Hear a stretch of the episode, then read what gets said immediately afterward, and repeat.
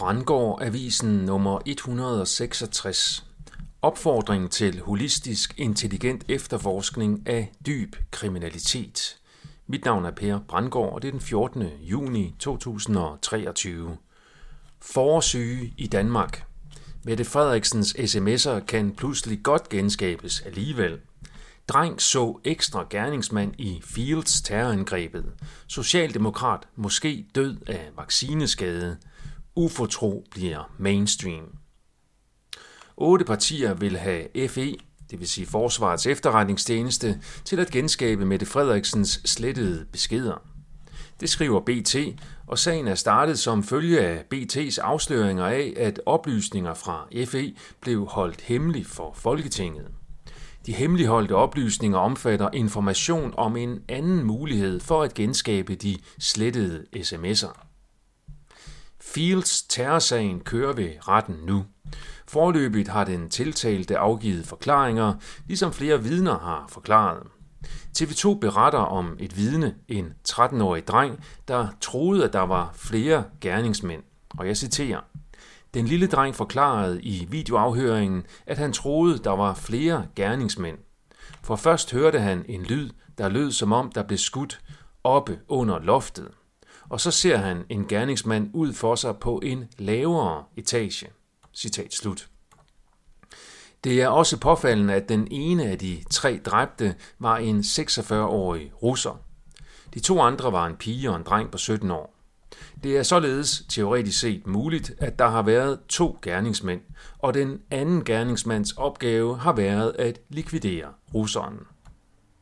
Taktikken med at slå mange ihjel for at dække over få planlagte mord, så verden også i ekstrem skala ved Titanic, hvor meget tyder på, at det skib blev sænket for at dræbe et par kritikere af The Federal Reserve Act, der grundlagde det moderne, bedrageriske, sionistiske pengesystem, der nu er ved at kollapse, hvorfor de via nye bedrag og mor prøver at presse og lokke os over på CBDC, Central Bank Digital Currency. Den amerikanske antropolog Robert Sepper har fremlagt beviser for denne hypotese om Titanic. Det kan selvfølgelig også være tilfældigt. Ligesom det kan være tilfældigt, at PET tillod Omar El-Hussein først at blive radikaliseret af sin nye mystiske cellemakker i fængslet, for så at blive løsladt lang tid før afsonet voldsdom, 14 dage før arrangementerne på Krudtønden og synagogen på Krystalgade. Dette på trods af gentagende advarsler fra fængselspersonalet. Meget kan forklares med tilfældigheder og fejl måske lidt for meget. Spørgsmålet om både Omar el-Hussein og Fields terroristen er, hvornår social påvirkning til mor og terror bliver kriminelt. Nu må vi se, hvilke vidner og argumenter forsvaren for Fields terroristen bringer frem, men der bør, efter min mening, efterforskes efter beviser for ulovlig påvirkningsvirksomhed fra den psykisk syge unge mands sociale omgangskreds. Ud fra den tiltaltes forklaring, så er der ingen tvivl om, at han er rablende vanvittig, og at han har gjort det. Spørgsmålet er, om nogen har påvirket ham til at gøre det på den måde, på det sted, på det tidspunkt. Nogen, der har fået politiske gevinster ud af reaktionerne på de tragiske begivenheder. Mulige politiske motiver er distraktion fra daværende afsløringer af anden kriminalitet i den udøvende magt, samt etablering af en agenda om, at psykisk syge er farlige for samfundet. Spørgsmålet er, som tidligere nævnt, også om han har gjort det alene, eller om der har været en medgerningsmand på mission om at dræbe en russer under dække af et vanvittigt terrorangreb. Ops. Med hensyn til de to omtalte danske terrorangreb, så påstår jeg ikke, at ingen døde og kom til skade. Min dybeste medfølelse går til alle ofre og pårørende. Jeg opfordrer udelukkende til en holistisk og intelligent efterforskning af disse sager, så sandheden kan komme frem i lyset, uanset hvor mørk den måtte være. I nyhederne kan vi også læse, at Socialdemokrat og medlem af Folketinget Mette Gerskov er død. Hun blev kun 56 år.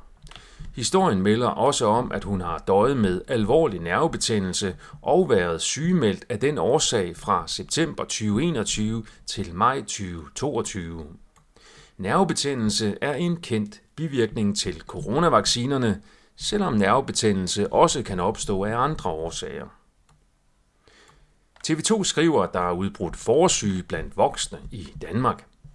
Det er ikke den psykiske forsyge, som TV2 taler om, altså den, hvor man opfører sig som et får, der blindt følger flokken og hyrdehunden, men infektionssygdommen med samme navn, hvor symptomerne omfatter en karakteristisk hævelse ved kinder og ører.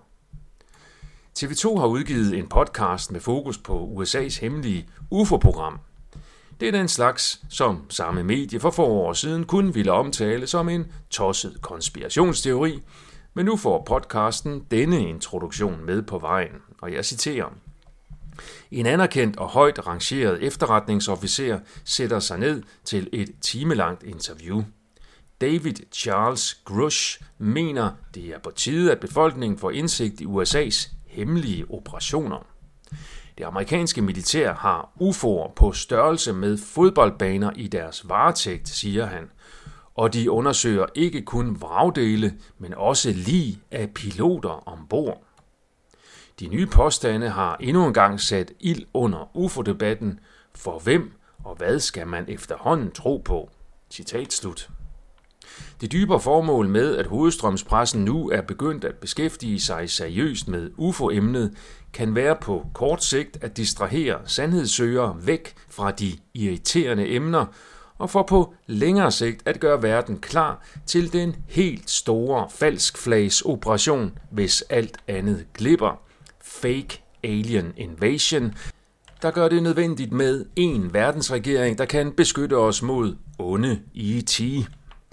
Hvis den operation skal lykkes, så skal der i hovedstrømmen være en lige så udbredt tro på, at UFO'er og aliens er virkelige, som der op til 9-11 var en udbredt tro på, at islamisk terrorisme er virkelig. Der er et stykke vej endnu.